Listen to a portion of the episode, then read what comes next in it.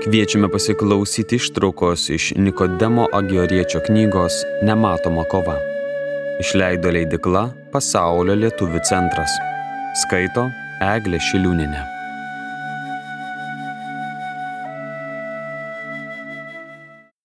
Šešioliktas skyrius.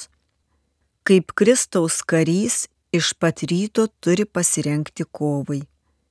Kai rytmetį atsikėlęs pasimelsi, viešpatie Jėzau Kristau, Dievo sūnau, pasigailėk manęs, tuomet susitelk į savo širdį, lyg būtum teisiamųjų suolę. Susitelkus reikia įsisamoninti ir pajusti, kad tau iš kairės jau stovi visi tie priešai - aistros, įdos, ypač tos, su kuriomis dabar kovoji, ir jau pasirengusios pulti. Todėl tuo pat metu reikia tvirtai pasiryšti nugalėti arba mirti, bet nepasiduoti. Būtina prisiminti, kad su tavimi kartu kovos pergalę nešantis dangaus kareivijų vadas, mūsų viešpats Jėzus Kristus, jo švenčiausioji motina, daugybė šventųjų angelų su arkangelų Mykolu prieš akiją, jie visuomet yra pasiruošę tau padėti ir tai suteiks tau viltį. Ir štai prieš tave pakils tamsybių kunigaikštis su savo pulkais, tam, kad uždegtų tavyje aistras, apipils pataikūniškais pažadais ir įkalbinės daryti tokį pasirinkimą, kuris pataikautų prigimčiai ir atitrauktų nuo kovos su aistra, žadėdamas, jog taip geriau ir ramiau. Bet įsidėmėk, tuo pat metu tu išgirsti apsauganti ir įkvepianti savo angelo sargo, kalbančio visų tavo pagalbininkų vardu balsą. Jis nesustodamas ragins. Dabar privalai kovoti su savo aistra ir kitais priešais. Neįsigask ir baimės paveiktas nepabėg iš kovos lauko. Juolab, kad pats viešpats Jėzus tavo kovos vadas stovi šalia apsuptas dangaus pulkų tūkstantininkų ir šimtininkų ir daugybės šventųjų angelų, pasiruošusių pagelbėti tau ir neleisiančių tavęs nugalėti, nes yra pažadėta, pats viešpats kovos už jūs, o jūs nutilkite. Iš išėjimų knygos 14 skyriaus. Taigi reikia tiesiog prisiversti kovoti, nepasiduoti, ir iškentėti puolimą, giliai širdyje tariant, neatiduok manęs priešininkų savivaliai. Šauki savo viešpaties Dievo gimdytojos, visų angelų ir šventųjų. Tada sulauksi pagalbos ir laimėsi, nes parašyta. Ir jums, jaunuoliai, rašau, jūs nugalėjote piktąjį. Jono pirmas laiškas, antras skyrius, tryliktoje eilutė. Nors esi labai silpnas ir supančiotas blogų įpročių, o priešai stiprus ir jų daug, bet kur kas didesnė pagalba paruošė tas, kuris tave sukūrė ir atpirko. Ir nepalyginamai stipresnis jis yra už visus nematomos kovos priešus. Tai viešpats, stiprus ir narsus, viešpats galingas mūšyje iš 24 psalmės. Be to, jis turi didesnį troškimą tave išgelbėti, nei priešas pražudyti. Todėl kovok ir niekuomet nebūk prislėgta šios kovos sunkumu. Taip, tai prievarta prieš save, ji negailestinga ir sukelia skausmą, tačiau šis darbas su savimi vaduos tave iš įdų ir taps didžiausiu lobiu, už kurį įgyjama dangaus karalystė, o siela visam laikui susivienyje su Dievu. Taip kiekvieną rytą dėl Dievo garbės pradėk kovą su savo priešais, panaudodamas šiuos ginklus.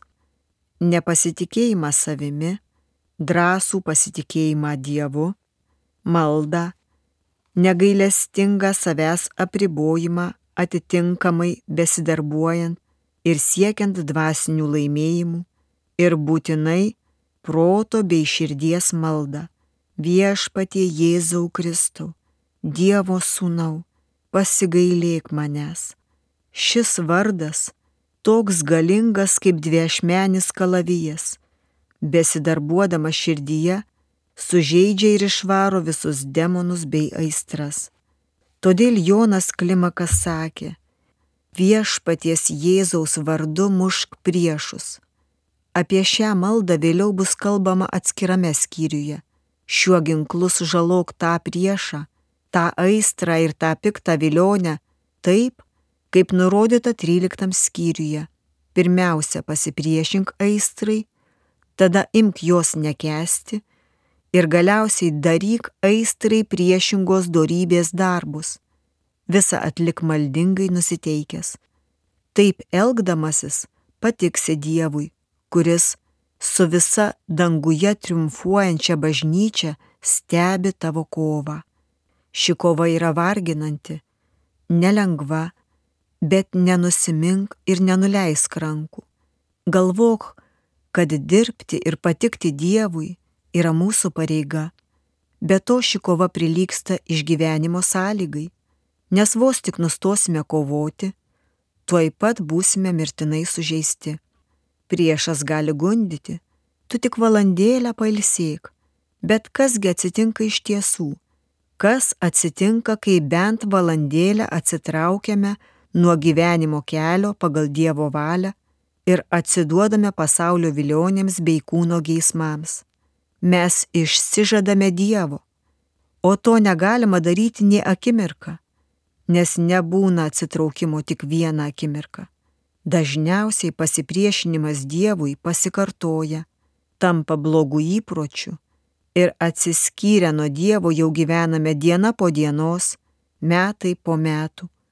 Jei viešpats tavęs pasigailės ir suteiks galimybę prabusti, išsivaduoti iš velniško tinklo ir pažadins iš nuodėmingo sapno, tu visgi turėsi stoti į kovą, iš kurios tuomet pabėgai ieškodamas lengvesnio gyvenimo.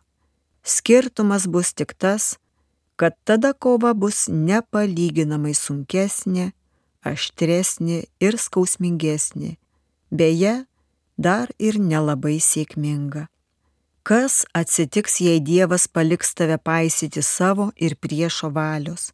Pragyvenus visą gyvenimą aistrų pančiuose, kartais apgirtus nuo jausmų, bet niekad neturint tikrojo džiaugsmo, staiga ateis mirties akimirka, siela paklius į baisę, kankinančią būseną. Tokią, kad net Dievo žodis negalėjo to išreikšti ir apibūdinti taip. Jie šaukė kalnams ir uoloms.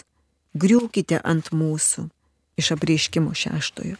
Šis šauksmas prasidėjęs mirties akimirką, tęsis po mirties iki pasaulio pabaigos ir pasigirs paskutiniojo teismo akimirką, bet visada bus bevaisis. Taigi nebūk šitoks beprotis, kad nebejodamas pultum į amžinas pragaro kančias, pabėgęs iš santykinai amžinybės mastu trumpalaikių kovų bet kaip išmintingas ir visą įvertinantis žmogus, geriau dabar ištverk trumpus vargus bei dvasinės kovos skausmus, kad nugalėjęs priešus gautum vainiką ir susivienytum su Dievu čia ir tenai, tai yra dangaus karalystėje. Laudamus te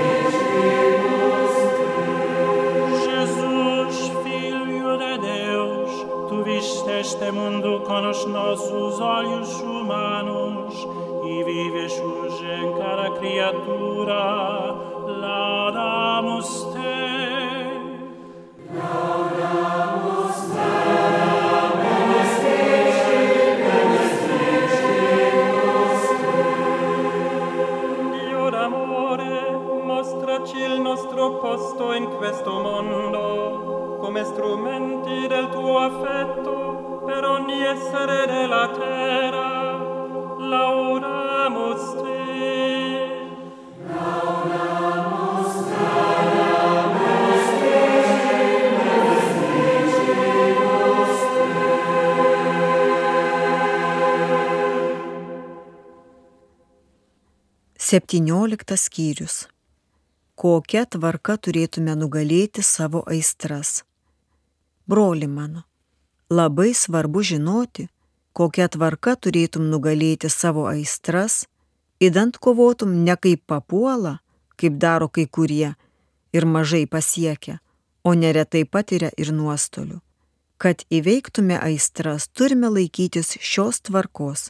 Pirma, pažvelgti į savo širdį ir rūpestingai ištirti, kokių minčių, nusiteikimų, aistrų yra pripildyta širdis ir kokią aistrą širdyje viešpatauja, elgesi joje lyg tironas. Antra, su viešpataujančia aistra visų pirma ir būtina kovoti. Į tai sutelk visą dėmesį, išskyrus vieną išimtį. Reikia atminti, kad kovojant su pasirinkta aistra, tuo pačiu metu sukilus kitai aistrai, reikia išvykti ir pastarąją vėliau tęsti kovą su pagrindinė aistra, kuri nuolatos pasirodo ir pademonstruoja savo galę. Nematoma kova panaši į įprastinę, matomą, nes kovoti reikia su tuo, kas esamų metų prieš mus sukyla.